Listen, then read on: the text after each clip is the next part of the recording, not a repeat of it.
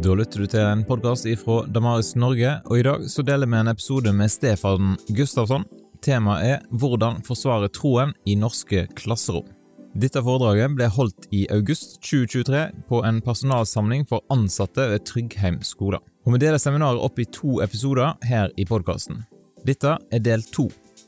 I seminaret så kommer Stefan inn på spørsmål som hva betyr det at vi lever i en sekulær kultur, og hvordan preger det vårt utdanningssystem? Hvordan kan vi forstå dagens sekulære samfunn ut ifra kristen tro? Og hvordan kan vi møte disse utfordringene med integritet som kristne fagpersoner, pedagoger og formidlere? Stefan Gustavsson er leder for Apologia, førstelektor ved NLA Høgskolen Kristiansand og en anerkjent apologet. Opptaket inneholder òg svar på spørsmål ifra deltakerne. Vil du se video med powerpoint-presentasjon til Stefan, da kan du søke opp YouTube-kanalen til Damaris Norge.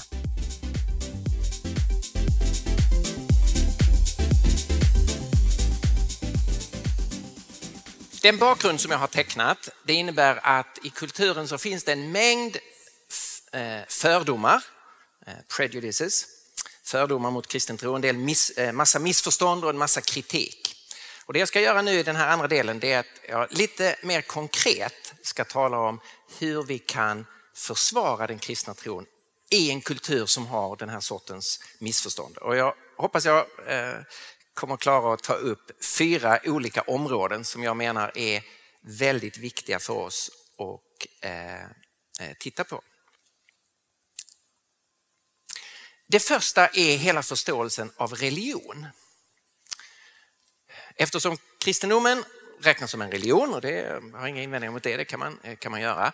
Och vi har övergett kristendomen så tänker människor att de, de idag är icke-religiösa. Och så får man någon sorts kontrast här att du, du kan vara religiös eller så är du icke-religiös. Och det icke-religiösa då tror man mycket mindre.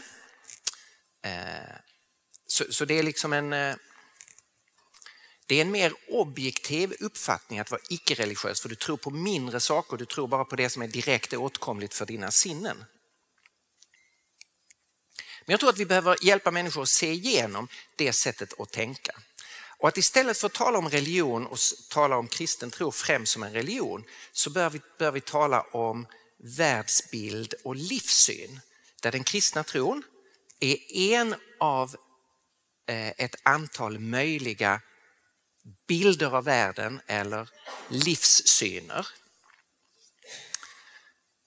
Där ingen i utgångsläget är mer objektiv eller faktabaserad utan är olika alternativ att förstå världen där samtliga tror så att säga lika mycket fast man tror på olika saker. Alltså att vi människor egentligen vi befinner oss på samma, på samma planhalva vi måste tro någonting om den här världen. Det finns ju ett fint filosofiskt ord som är, heter ontologi. Allt som slutar på logi är ju läran om. Biologi är läran om livet, kosmologi är läran om kosmos. Ontologi är läran om varandet. Vad är det som ytterst sett finns? Och alla världsbilder, alla livssyner går ytterst sett tillbaka på att man har en viss ontologi. En viss övertygelse om vad är det som ytterst sett existerar. Och om man igen generaliserar så kan man säga att det, det finns tre stora grupper, eh, eller det finns tre grupper som svarar på den ontologiska eh, frågan eh, idag. Det ena sättet att svara är det som nu har kommit att dominera i västerlandet, nämligen naturalismen. Att man säger den yttersta verkligheten är naturen, det finns inget bortom naturen. Men det är förstås en trosövertygelse. Det är ju ingenting som man vet att det inte finns mer än naturen. Men man tror att naturen, energi och materia, elektroner, protoner och neutroner är det enda som existerar. Och Det innebär alltså att man säger att den yttersta verkligheten, ontologin, är opersonlig. Alltså energi har ju inget tänkande, ingen vilja, inget medvetande, ingen kärlek. Det är någonting opersonligt. Och ytterst sett ska allt som idag existerar förstås utifrån det opersonliga. Allting går att reducera ner till det opersonliga. Den andra stora huvudgruppen det är den österländska panteismen. där man säger nej, den yttersta verkligheten är inte materiell, den är andlig. Det är en gudomlig verklighet. Men den är opersonlig. Brahman är inte ett tänkande, ett medvetande, en vilja, en kärlek. Så den yttersta verkligheten är andlig men opersonlig. Och människans, målet med människans existens det är att smälta samman med det opersonliga och upphöra som individ, som individualitet. Båda de här två ontologierna saknar grund för en hög syn på människan och ett hopp för människan. Därför att ontologin säger att det personliga, alltså det som är kännetecknande för människan, har ingen grund. I västerländsk naturalism så försvinner ju människan bara igen vid sin eh, fysiska död, när kroppen upplöses. Då försvinner ju jaget som ju bara är en funktion av energi och materia. I österländsk panteism så är målet efter en massa reinkarnationer att smälta samman med Brahman, komma ur kretsloppet och upphöra att existera.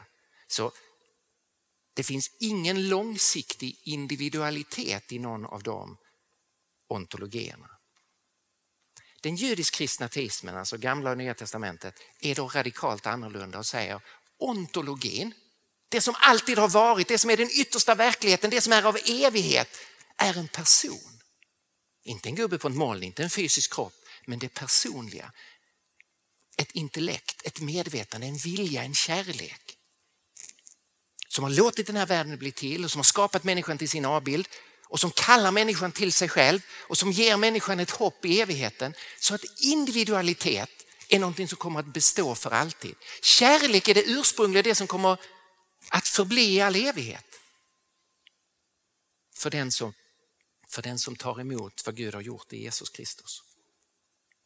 Här är de tre, tre huvudalternativen. Och då behöver man i utgångsläget inte argumentera för att den judisk-kristna teismen är sann. Det räcker ju att ställa frågan vad finns det för anledning att utesluta det alternativet? I ljuset av vad de två andra säger så är det, det är väldigt intressant, det är ett fascinerande, ett väldigt meningsfullt alternativ, ett väldigt hoppfullt alternativ. Så åtminstone borde det få finnas med i samtalet. Vad är det som säger att det skulle vara mycket mer rationellt att säga allting går tillbaka till det icke-tänkande, det icke-rationella. Istället för att säga allting går tillbaka till logos. Det intellektuella, det rationella, det förnuftiga. Varför är det mer rationellt att säga allting går tillbaka till det som inte är kärlek, bara energi och materia, än att säga allting går tillbaka till en kärlek?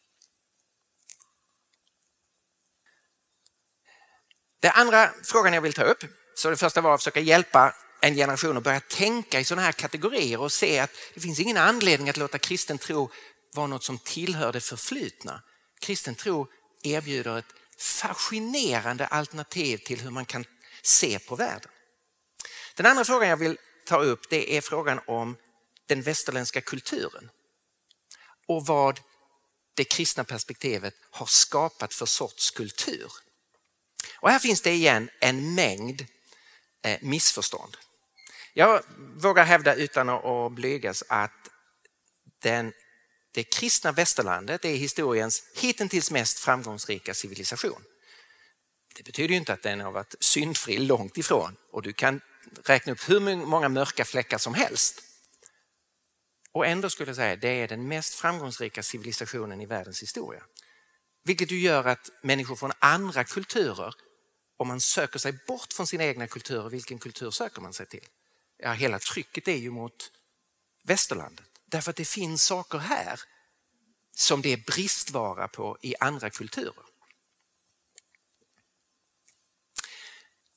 Utifrån upplysningen så har man planterat ett tänkande kring vad är det som har gjort västerlandet framgångsrikt? Och det tänkandet ser ut så här. Västerlandet har sina rötter i antiken, där påbörjas en del bra saker. Eh, det finns vissa demokratiska impulser, det finns visst påbörjan av vetenskapligt arbete, det finns framstående filosofi. Sen tyvärr kommer kristendomen in och bromsar alltihopa och blir världens bromskloss. Så det händer ingenting bra eh, på mer än tusen år. Och sen kommer upplysningen Och då frigör vi oss från kristendomen och så väcks den västerländska kulturen fram och så får vi, eh, får vi allt det goda som finns i västerlandet. Det där är en väldigt vanlig föreställning som människor har. Den är historiskt helt felaktig.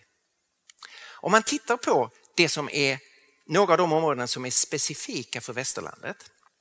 Människosynen, att varje människa är skapad till Guds avbild, värd respekt. Om man tittar på rättssamhället, att makten har inte rätt utan det finns en rätt som står över makten och därför kan du kritisera makten när den inte följer rätten. Det finns en norm som står över kungen. Det är inte rex lex, kungen är lag, utan det är lex rex. Lagen ska vara kung. Sjukvården, att vi tar hand om den som är svag, sjuk, skadad, döende. Vetenskapen, inte minst då naturvetenskapen. Demokratin. Om man studerar det här historiskt så går detta tillbaka till den kristna tron. Det startar inte med upplysningen, det har rötter långt före upplysningen i den kristna trons genombrott. Och det är inte jag som kristen som säger det. Om ni läser eh, Tom Hollands bok Dominion, icke-kristen historiker som är på väg att bli kristen genom det studiet han, eh, han gjorde. Han är ju glasklar med att detta kommer inte från antiken. Där har man inte den sortens människosyn. Absolut inte, man har en förfärlig människosyn. Där har man inte omsorg om den sjuke. Vetenskapen växer inte fram där. Det finns inte demokrati.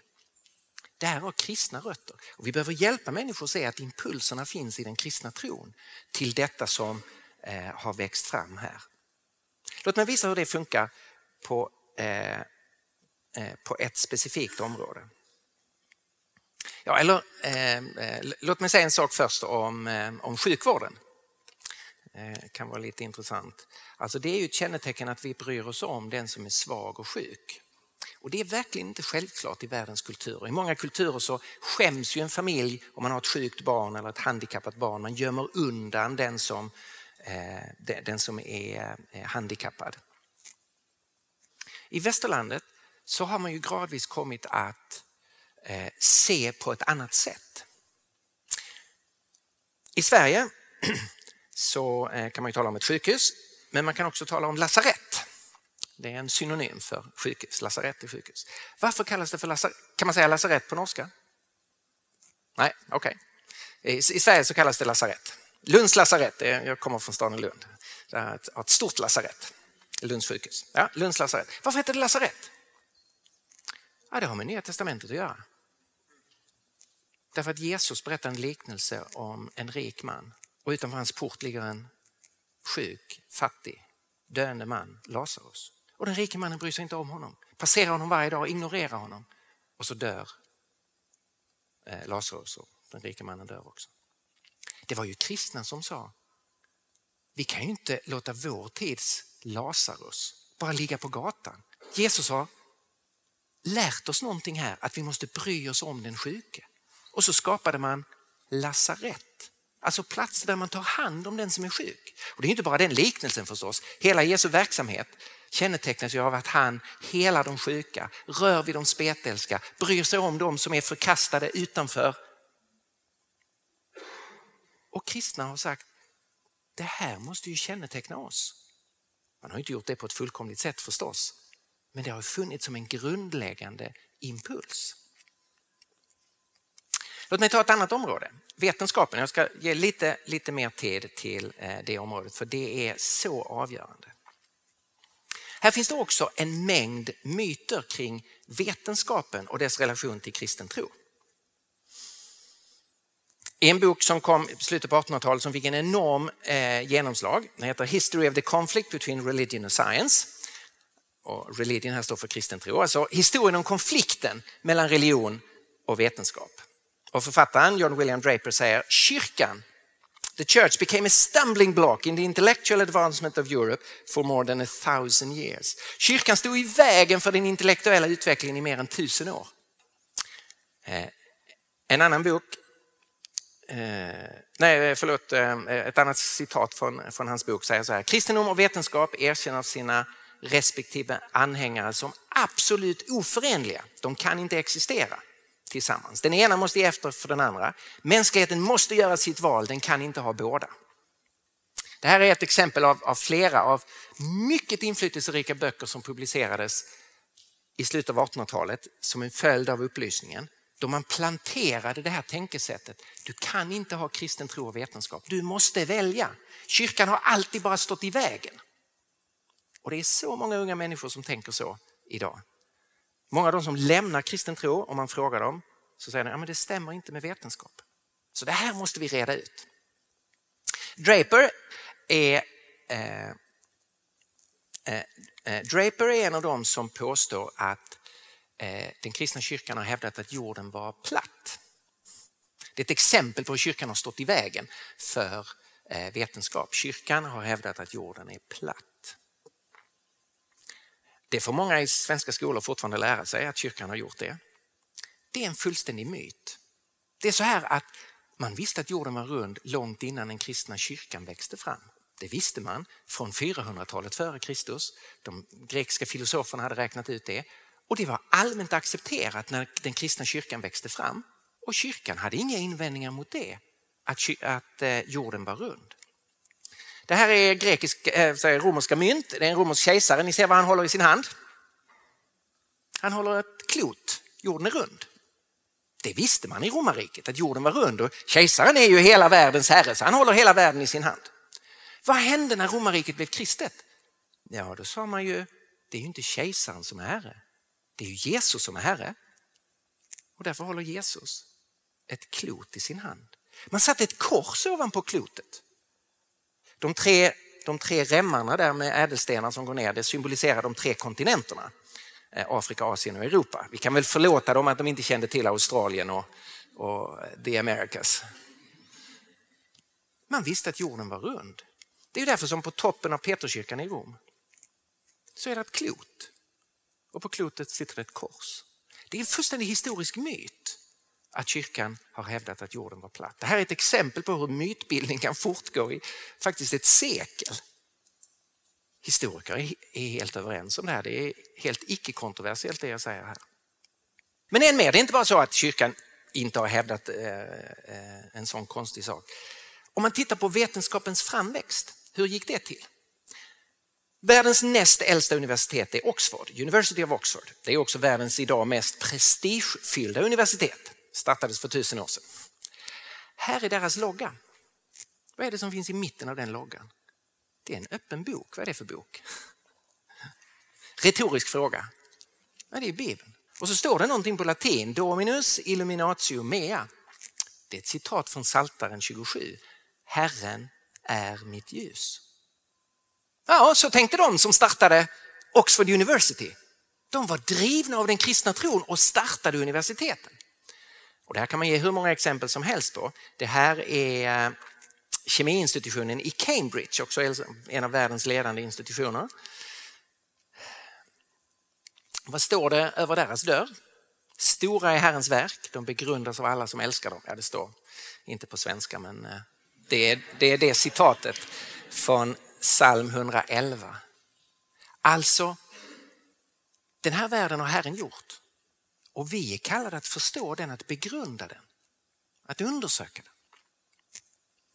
Det här universitetet eh, i Kalifornien, Berkeley, här behöver man inte ens kunna latin. Let there be light, en öppen bok. Och Bibelns, en av Bibelns första verser. Det här Harvard, deras eh, vapensköld och deras motto är veritas, det betyder sanning. Men det är inte det ursprungliga mottot, de har ändrat sitt motto. Det ursprungliga mottot är så här. Veritas Christo et ecclesia. Sanning för Kristus och kyrkan. Det är så här att vetenskapen har sina rötter i den kristna tron. Och universiteten startades av kristna som var motiverade av den kristna tron.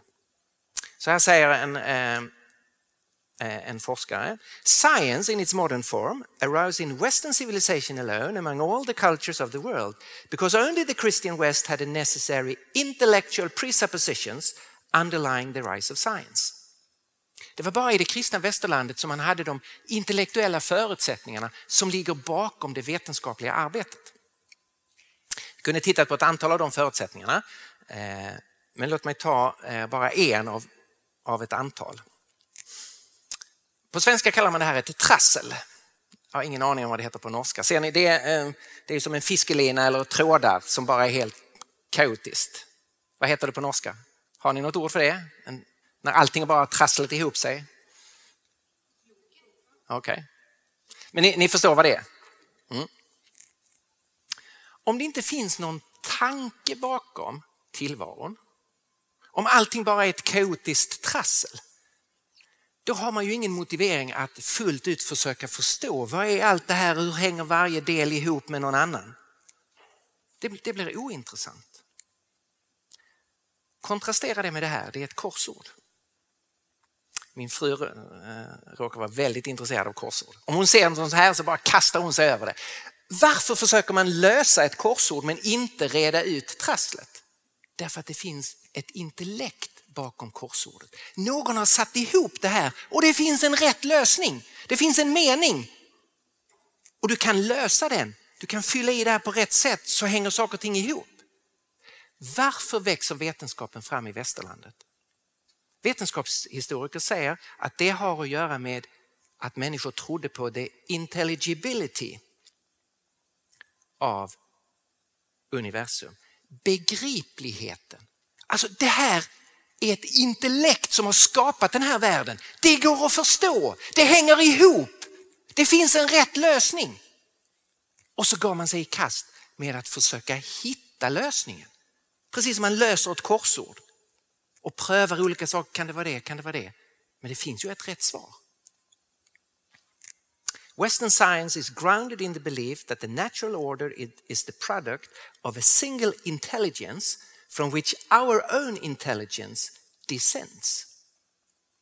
Det är ju så när man löser ett korsord att man gör det utifrån förutsättningen, okej okay, här är en person som har ett liknande intellekt som jag. Kanske mer intelligent, har mer kunskap, men i grunden är det samma sorts intelligens. Så jag skulle kunna lösa korsordet. Och så tänkte de kristna i västerlandet. Rodney Stark är en forskare som har skrivit väldigt mycket om det här. Och han säger så här, sanningen är den att kristen tro inte alls hindrade vetenskapens uppkomst. Men inte bara det, kristen tro var absolut nödvändig för vetenskapen. Vilket är orsaken till att den bara uppstod i, den krist, i det kristna västerlandet. Så vi behöver göra upp med föreställningen att det historiskt finns någon sorts grundläggande konflikt. Det gör det inte. Det finns enskilda konfliktpunkter som med Galileo där kyrkan gör bort sig. Och man kan förstås diskutera Charles Darwin.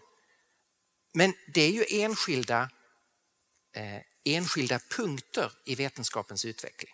Konflikten ligger inte på ett grundläggande plan att kristendomen har hindrat vetenskapen eller är emot vetenskapen. Tvärtom, kristendomen gav impulserna till vetenskap och bejakar vetenskap fullt ut. Man behöver också titta på hur vi idag förstår vetenskap. Alldeles för många människor har tänker utifrån det man kallar för scientism. Alltså att man gör vetenskap till en, en, en ism, en, en livsåskådning. Här är ett exempel. Axel Rosenberg som är professor i filosofi, han är själv ateist och han står för scientism. Han säger att naturvetenskapen är vår exklusiva guide till verkligheten. Alltså naturvetenskapen är det enda sättet att förstå verkligheten. Väldigt problematiskt. Alltså om man hade sagt naturvetenskapen är den bästa guiden att förstå naturen, då hade jag ju hängt med. Men att det är den enda guiden till hela verkligheten, det är ju fullständigt galet. Naturvetenskapen sysslar ju med naturen och kan inte säga någonting om någonting annat. Det hörs ju på själva ordet naturvetenskap. Den mesta mänskliga kunskapen är inte naturvetenskaplig. Den kommer ju från andra källor. Jag brukar fråga studenter så här, firar du din födelsedag? Och det gör ju nästan alla. Ja, visst. Hur i all sin dag vet du när du föddes? Vetenskapen kan inte säga det. Vetenskapen har inte en aning om när du, vilken dag du föddes. Hur vet du vilken dag du föddes? Ja, jag har fått det från min mamma. Ja, men det är ju en jättebra kunskapskälla. Hon var ju där. Det är ju ingen som vet det säkrare än hon, eller hur? Så det är min mamma och min pappa som har sagt det. Och eftersom vi är i välordnade länder så kan man ju också kontrollera det i folkbokföringen. Det har ju funnits en, en barnmorska som har noterat klockan då och då, den, den och den dagen föddes en liten pojke som vägde så mycket och var så lång. Och sen har en sekreterare fört in det i ett register och så kan man kontrollera det. Så jag har ju två superbra källor. Mina föräldrar och folkbokföringssystemet. Födelseattesten. Ingenting av det är naturvetenskapligt. Men det är ju väldigt bra kunskap. Nästan all kunskap som jag har kommer från andra källor än naturvetenskap. Och sen har jag viss naturvetenskaplig kunskap som är jätteviktig och, och eh, oerhört avgörande. Men det är ju självklart att man måste bejaka kunskap från andra källor. Annars försvinner ju allt som har med historia och kultur, all humaniora, allt bara försvinner bort. Så naturvetenskapen är ett fantastiskt men begränsat verktyg. Den ger kunskap om naturen, men naturvetenskapen kan inte lösa frågan om Gud. Jättemånga tänker så här, ja men naturvetenskapen har ju inte bevisat Gud. Nej, det är klart den inte har. Vad förväntar du dig? Naturvetenskapen undersöker naturen och Gud finns inte i naturen. Det är inte så att Gud är någonstans i naturen. som om man tittar riktigt noga i ett mikroskop. Åh, oh, titta jag hittade Gud. Det är inte så att han gömmer sig bakom en planet långt ut. Liksom. Åh, oh, där sitter Gud. Naturvetenskapen kan aldrig hitta Gud. För Gud är inte ett föremål i naturen. Här måste vi lära, hjälpa människor att inse vad kan naturvetenskapen göra? Eh, en del av er har kanske hört talas om eh, Harari och hans bok Sapiens, A Brief History of Humankind. Bästsäljare över hela världen. Han är biolog, ateist, skriver utifrån ett helt sekulärt perspektiv. Han är scientist, eller står för scientism. Han skriver så här. As far as we can tell from a purely scientific viewpoint human life has absolutely no meaning. Från en naturvetenskaplig synvinkel kan vi säga att livet inte har någon mening. Vad är det för nonsens? Naturvetenskapen kan inte uttala sig om mening. Den kan bara uttala sig om hur naturen fungerar. Om det finns en mening bakom att naturen existerar. Det är en filosofisk fråga, en teologisk fråga, en existentiell fråga. Det är ingen naturvetenskaplig fråga. Naturvetenskapen kan inte visa att det saknas mening. Jag gillar det här citatet av Ludwig Wittgenstein. Modernitetens, i vår tids stora vanföreställning, är att naturlagarna förklarar universum för oss. Nej, naturlagarna beskriver universum. De beskriver regelbundenheter. De förklarar ingenting. Så är det med naturvetenskapen, så är det med naturlagarna. De beskriver vissa processer. De förklarar inte varför de finns eller om det finns en mening med att det finns. Svaren på de frågorna måste man söka någon annanstans. Så naturvetenskapen är begränsad. Den kan tala om naturen men inte säga någonting om det övernaturliga. Den kan tala om funktioner, hur någonting fungerar, inte vart det kommer ifrån. Den kan beskriva delar men kan inte sätta samman en helhetsbild. Det är där som livssyn kommer in. Hur sätter vi samman alla våra kunskapsdelar? Låt mig säga en sak till om naturvetenskapen eh, och ta ett exempel på ett vanligt missförstånd. Eh, och då väljer jag att säga någonting om The Big Bang Theory, inte tv-showen utan den naturvetenskapliga teorin. Jättemånga människor tänker så här, jag tror inte på Gud, jag tror på Big Bang. Och en massa kristna tänker, jag tror på Gud, jag tror inte på Big Bang. Och så sätter man upp ett antingen eller. Det är ett stort misstag.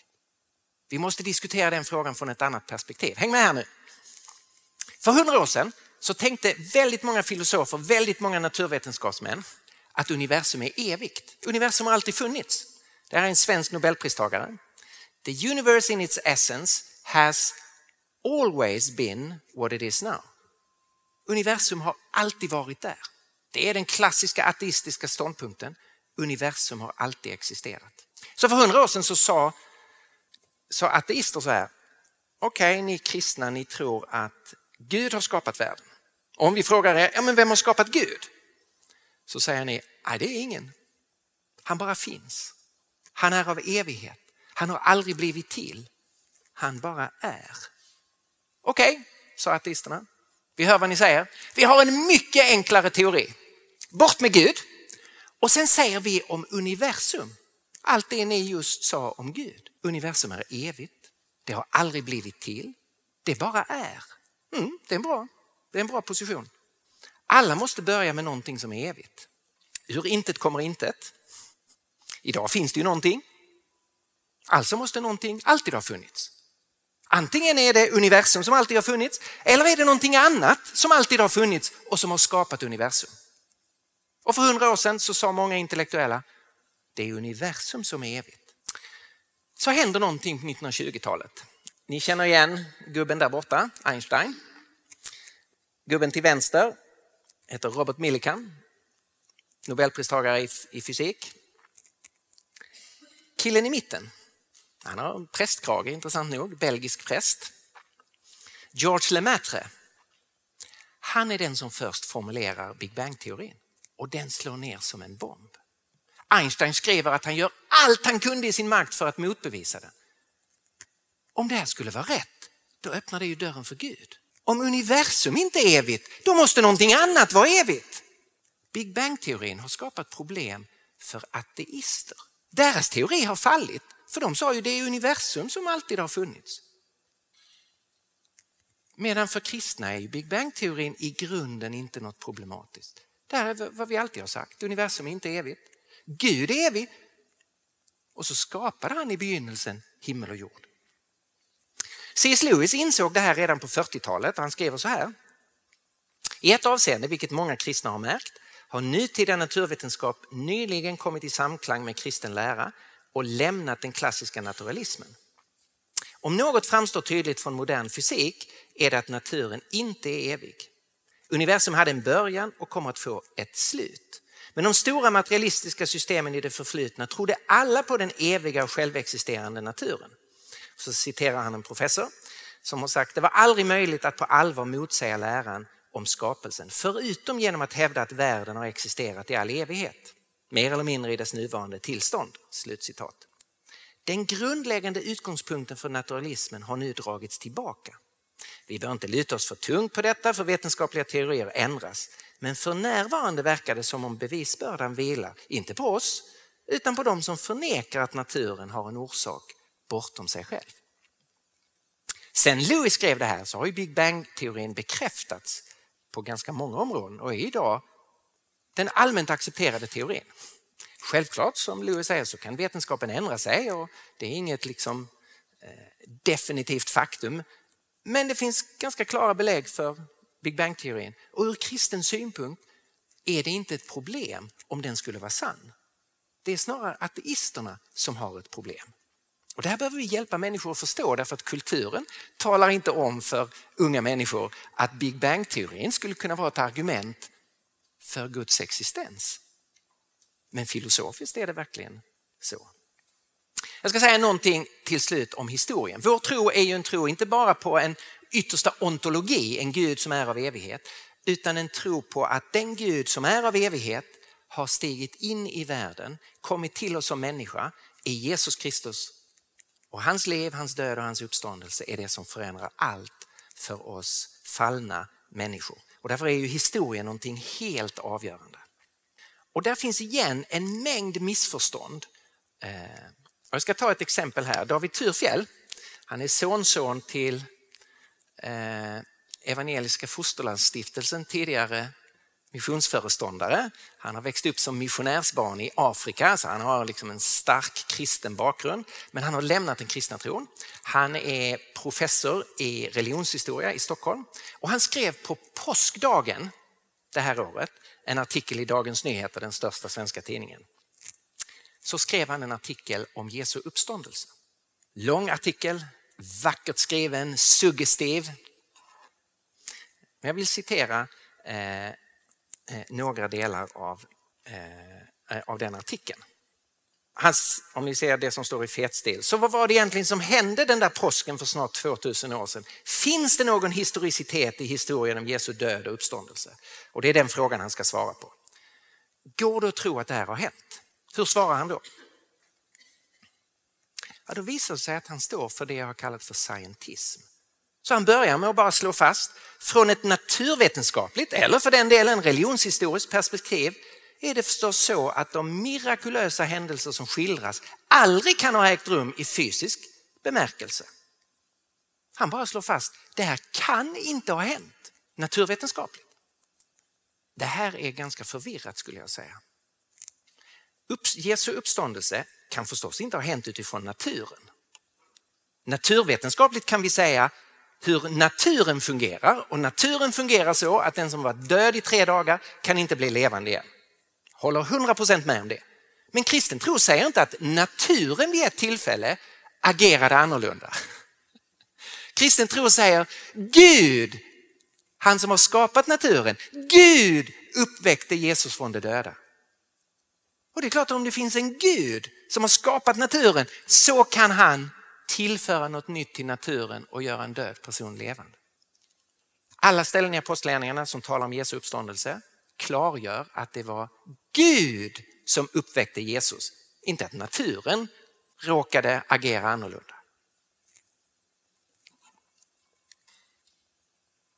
Sen har han ett långt resonemang om att vi har för lite källmaterial. Och att de viktiga källorna behöver vara utanför de kristna skrifterna. De historiska källor som finns utanför de kristna bekännelseskrifterna är dock få och mycket knapphändiga. Notera här vad han säger. Vi skulle egentligen behöva andra texter än det vi har i evangelierna. Och det vi har här kallar han för kristna bekännelsetexter. Det historiker idag säger det är att evangelierna är historiska biografier. Ja, det är klart att de också innehåller en bekännelse, men den litterära genren är inte bekännelseskrifter utan historiska biografier. Och det finns ingen anledning att säga att vi måste ha texter utanför de kristna texterna. Det är som att säga att vi kan inte tro på någonting om romarriket om vi inte har texter som kommer från icke-romare. Det är ingen historiker som resonerar så. Det är klart att de flesta texter om romarriket kommer från romerska historieskrivare. Att texterna om Jesus kommer från kristna är ju inte konstigt. Vilka har skrivit texterna om Norges historia? Ja, det är ju inte folk från Belgien. Det är ju norrmän. Man kan inte säga nej, vi kan inte veta något om Norges historia därför att texterna är skrivna av norrmän. Ja, det är klart, det är ni som vet. Och så är det ju förstås när det gäller eh, Jesus. Han fortsätter, det är till och med så att Filon från Alexandria, en intellektuell som levde samtidigt med Jesus, skrev om religiösa grupperingar i trakten kring Jerusalem precis vid tiden för korsfästelsen. Han nämner inte Jesus eller den rörelse som fanns runt honom. Nej, men det är ju ett argument för tystnaden. Varför skulle han nämna Jesus?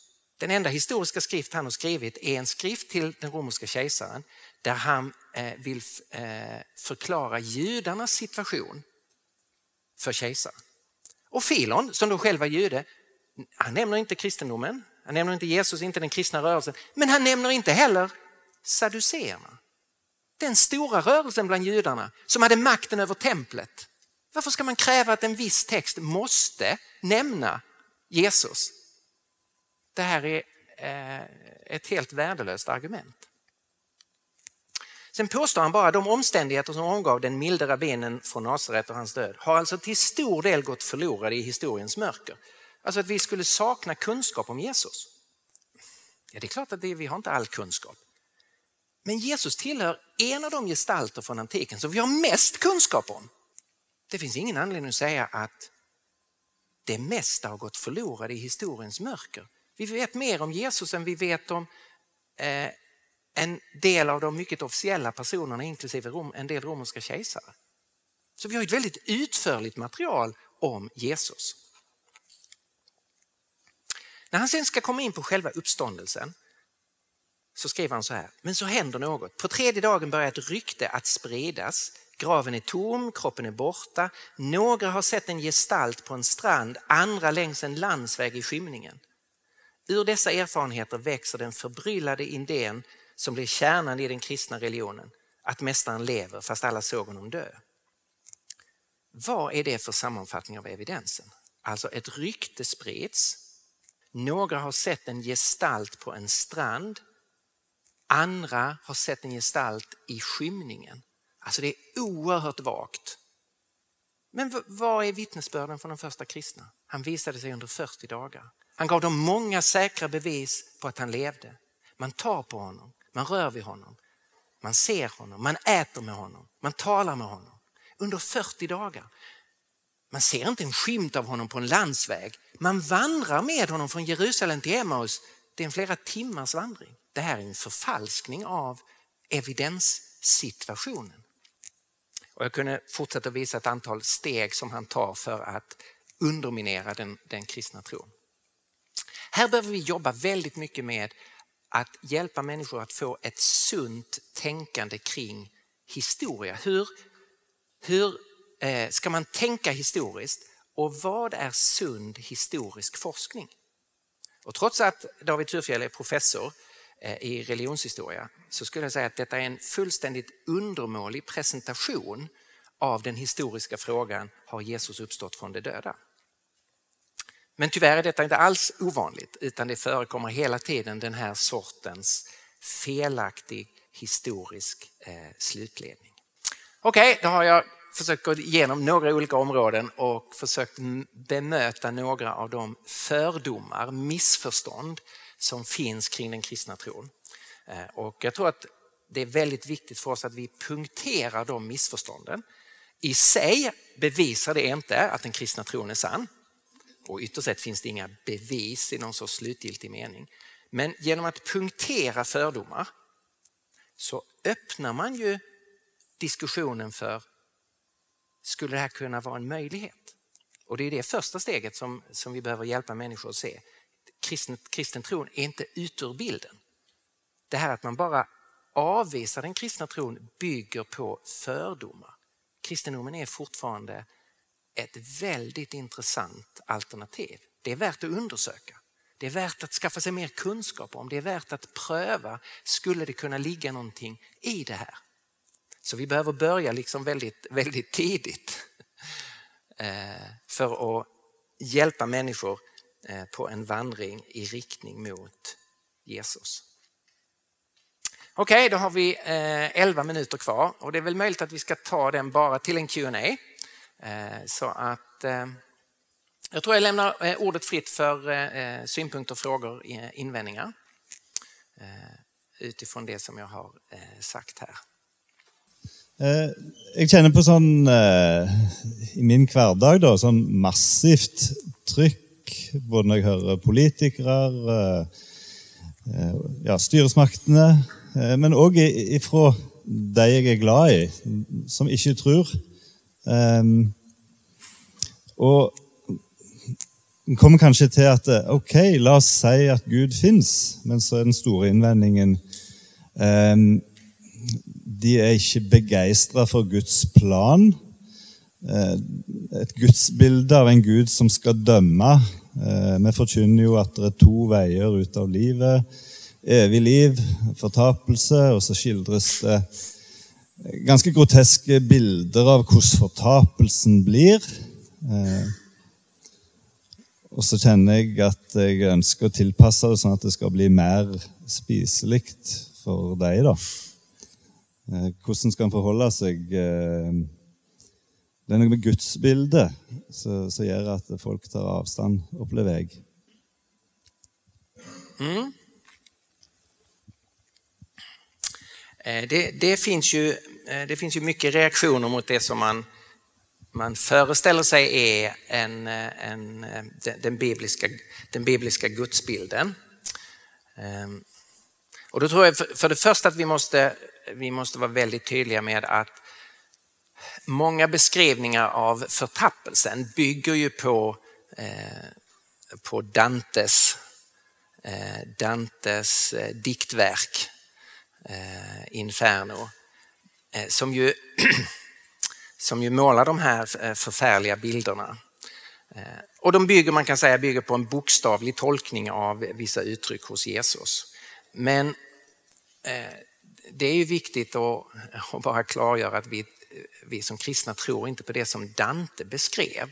Och när Nya Testamentet talar eh, om en eld så kan det samtidigt tala om det yttersta mörkret. De två sakerna kan inte vara samtidigt, sanna samtidigt. Om man tänder en eld så blir det ju ljust, eller hur? Det kan ju samtidigt inte vara det yttersta mörkret. Eh, så det visar ju att det här är ett bildspråk som, som Jesus använder. Men det man behöver, det man behöver eh, ställa som en motfråga här det är Eh, jag reagerar ju också mot en, mot en orättvis Gud. Alltså en Gud som straffar eh, människor på ett orättfärdigt sätt eller straffar människor eh, på ett, ett hårdare sätt än vad deras brott förtjänar. Och Bibeln är ju glasklar, Gud är rättvis. Gud är rättfärdig och ingen kommer ha någon invändning mot hans domslut. Jag kommer inte alls att bli besviken på Gud när jag ser vad han gör. Det konstiga vore ju om Bibeln inte talade om en dom. Alltså när jag läser om världens historia så blir jag ofta väldigt upprörd. Hur kunde människor göra det här? Så förfärligt som man har behandlat sina medmänniskor. Och vi kan ju bara tänka på 1900-talet, det som har skett eh, i vår egen kultur eh, med nazismen och med kommunismen. Eller eh, det som skedde i före detta Jugoslavien. Eller det som nu sker i, i Ukraina. Vi dömer ju de handlingarna och säger att det där är ondska. Och vi sätter upp en krigsförbrytartribunal i Haag och säger det går inte att säga låt oss glömma det här. Det går inte att säga nej nu går vi vidare. Det går inte att säga låt oss förlåta det här och så fortsätter vi som om det inte har hänt. Nej, det, det, det här måste redas upp och det onda måste få sitt straff. Det säger vi i vår kultur, eller hur? Och vi skulle säga det är helt omoraliskt om du säger nej, låt oss släppa det där, det var ingenting. Om det nu är så att vi reagerar på det sättet, hur mycket mer måste inte en full, fullkomlig rättfärdig Gud reagera när han ser på människans historia? Om det inte kommer en dom, då är Gud moraliskt lägre än vad vi är. Ja, det kan han ju inte vara. Det, är ju han som är utgångspunkten för godhet och rättvisa och helighet. Så om jag börjar tänka så, så är det ju självklart att det måste komma en dom. Och Det här tror jag väldigt få människor har tänkt igenom. Att de har en uppfattning om Gud som gör honom mindre moralisk än vad vi är. Medan Gud självklart är, är mer moralisk än vad vi är. Och sen måste man ju då eh, börja, eh, börja eh, samtala om vad Guds, Guds dom innebär och framför allt att den kristna tron har inte, sin, har inte sitt centrum i att Gud ska döma världen utan har ju sitt centrum i att Gud har sänt sin son som har kommit hit, inte för att döma världen utan för att ge världen liv. Eh, så vårt centrum är ju den frälsning som är tillgänglig för varje människa. Men då uppstår ju den frågan, om nu ondskan har skett här i världen och det är de flesta överens om, det är en förfärlig historia, människans historia. Och så ska Gud skapa någonting nytt. Men om man då inte vill ha med Gud att göra, om man inte vill böja sig under Guds vilja, om man inte vill låta Gud vara Gud, Ska Gud släppa in den personen i den nya världen? Vad skulle det innebära? Det skulle innebära att den nya världen blir precis som den gamla världen. Eller hur? När en kirurg ska operera, varför måste instrumenten, varför måste kniven vara absolut ren och inte bara ganska ren? Därför att om den inte är absolut ren, så förs ju bakterierna vidare och kommer att växa i, den, i kroppen igen efter operationen. De har inte löst någonting. Alltså måste det komma en fullständig punkt av rening. Annars kommer världen aldrig att kunna bli skapad ny. Och det är vad kristen tro säger. Det kommer en dom, då ska allt det onda rensas bort, definitivt. Ingen av oss kan rena oss själv. Men det finns ett sätt att bli ren. Nämligen att få förlåtelse för sin synd och att bli född på nytt. Att Gud skapar någonting nytt i våra liv.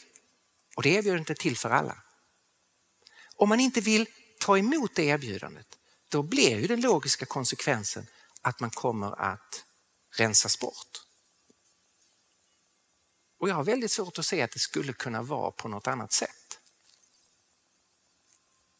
Det här löser inte alla, ehm, all, alla våra frågor men vi ska inte låta människor komma undan för enkelt med sådana här, liksom, jag tror inte på en Gud som dömer.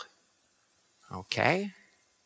hur god är då din Gud om Gud inte dömer? En Gud som inte dömer är ju likgiltig inför det onda. Och det är inte en god Gud.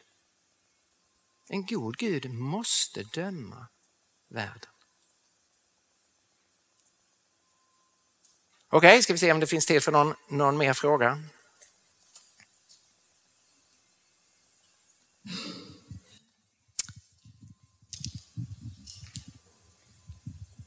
Eh, noe som Fra den første delen som du hadde i dag. Eh, det her eh, diagrammet med hvor vi på en måte blir sett som de mest eh, eh velstående og de mest sekulariserte menneskene i verden. Eh, og litt av det som jeg opplever da, i den situasjonen som vi er i, er at eh, pga. velstanden så har veldig mange mennesker Jeg vil ikke kalle de ateister engang, fordi at hvis du er en ateist, så må du ha tatt et bevisst valg om at eh, ja, en erkjennelse av at det finnes ingenting osv. Men jeg opplever at mennesker flest ikke engang har tatt det, eh, den avgjørelsen. Altså, Man har ikke noe forhold til å tenke noe om hva som skjer videre. Og Der syns jeg det er vanskelig å på en måte i det hele tatt komme til det punktet hvor vi kan snakke apologetikk eller religion. da. Eh, kan du säga något om det? Ja, tack. Det, eh, jag håller helt med dig, så är det ju. De, de flesta människor i en kultur har inte tagit så medveten ställning utan vi är ju flockdjur, vi följer med strömmen. Och det är det som gör att de flesta i Pakistan är muslimer. De flesta i, i Texas är evangelikala kristna. De flesta i Sverige nu är sekulära. Det är inte för att var och en har tagit ett genomtänkt personligt beslut utan man växer upp i en viss familj, man finns i en viss kultur, man följer med strömmen. Det är så vi fungerar. En del, eh, när jag är på universitet och vi har evangelisation så kommer en del icke-kristna och frågar mig så här, men du Stefan, eh, var kommer du från, eh, från för familj? Har du växt upp i en kristen familj? Ja visst, sa jag. En varm kristen familj. Vi eh, läste Bibeln och trodde på Gud. Och och då ser jag vad de, de tänker. Aha, jag fattar varför du är kristen. Eh, men jag låtsas inte om det utan så säger jag, och du då, var kommer du från för familj? Nej, jag kommer från en helt eh, sekulär familj. Aha, tänker jag. Och så får vi börja prata om det. Okej, okay, alla kommer från en bakgrund, alla har en bakgrund. Och alla är påverkade av den bakgrunden. Det viktiga är eh, för att bli en medveten självständig person att man tänker igenom vad har min bakgrund lagt in i mitt liv? Och hur mycket av det vill jag behålla och hur mycket ska jag göra, göra upp med? Så jag kommer från en kristen familj, då måste jag tänka igenom, ska jag hålla fast vid tron på Gud? Varför ska jag göra det? Jag måste tänka igenom, vad är, vad är argumenten för det som fanns i min familj? Och du som kommer från en sekulär familj, du måste ju tänka igenom vad är argumenten för det som din familj och din kultur och skolan har lagt in i ditt liv. Så vi måste utmana människor att tänka igenom den egna eh, positionen, inte bara flyta med strömmen.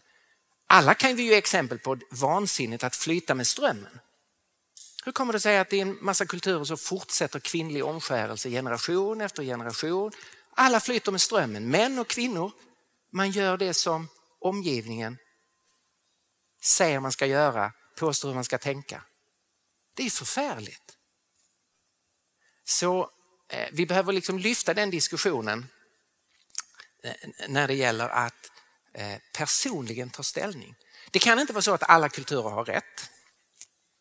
De flesta kulturerna har fel i de stora frågorna. Tänk om det är så att det sekulära västerlandet har fel.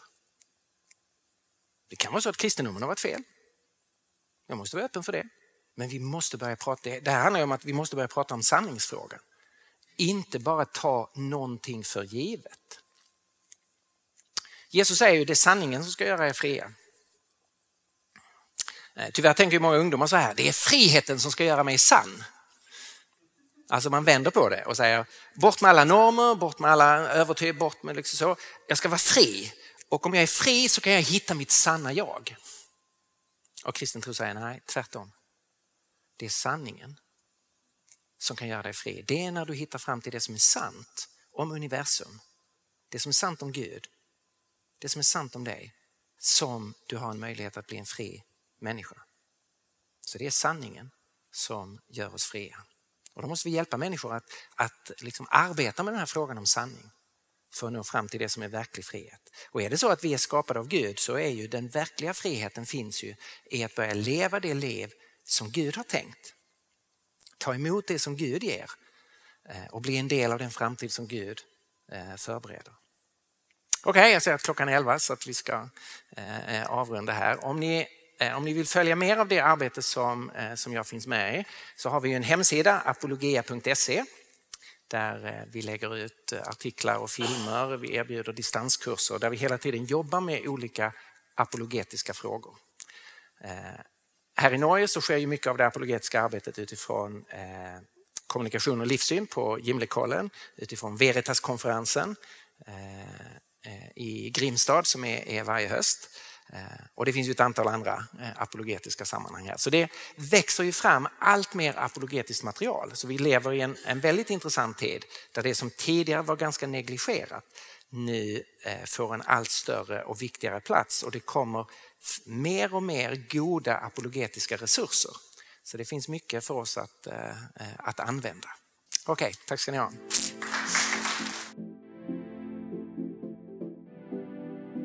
Takk for at du lytter til denne episoden av Damaris Norge sin podkast. Vi setter stor pris på om du deler podkasten vår med personer som du tror kan ha glede av den. Og Har du lyst til å støtte arbeidet til Damaris, da kan du gå inn på damaris.no, for der finner du informasjon om hvordan du kan være med og bidra til at enda flere apologetiske og gode ressurser kommer ut på nett.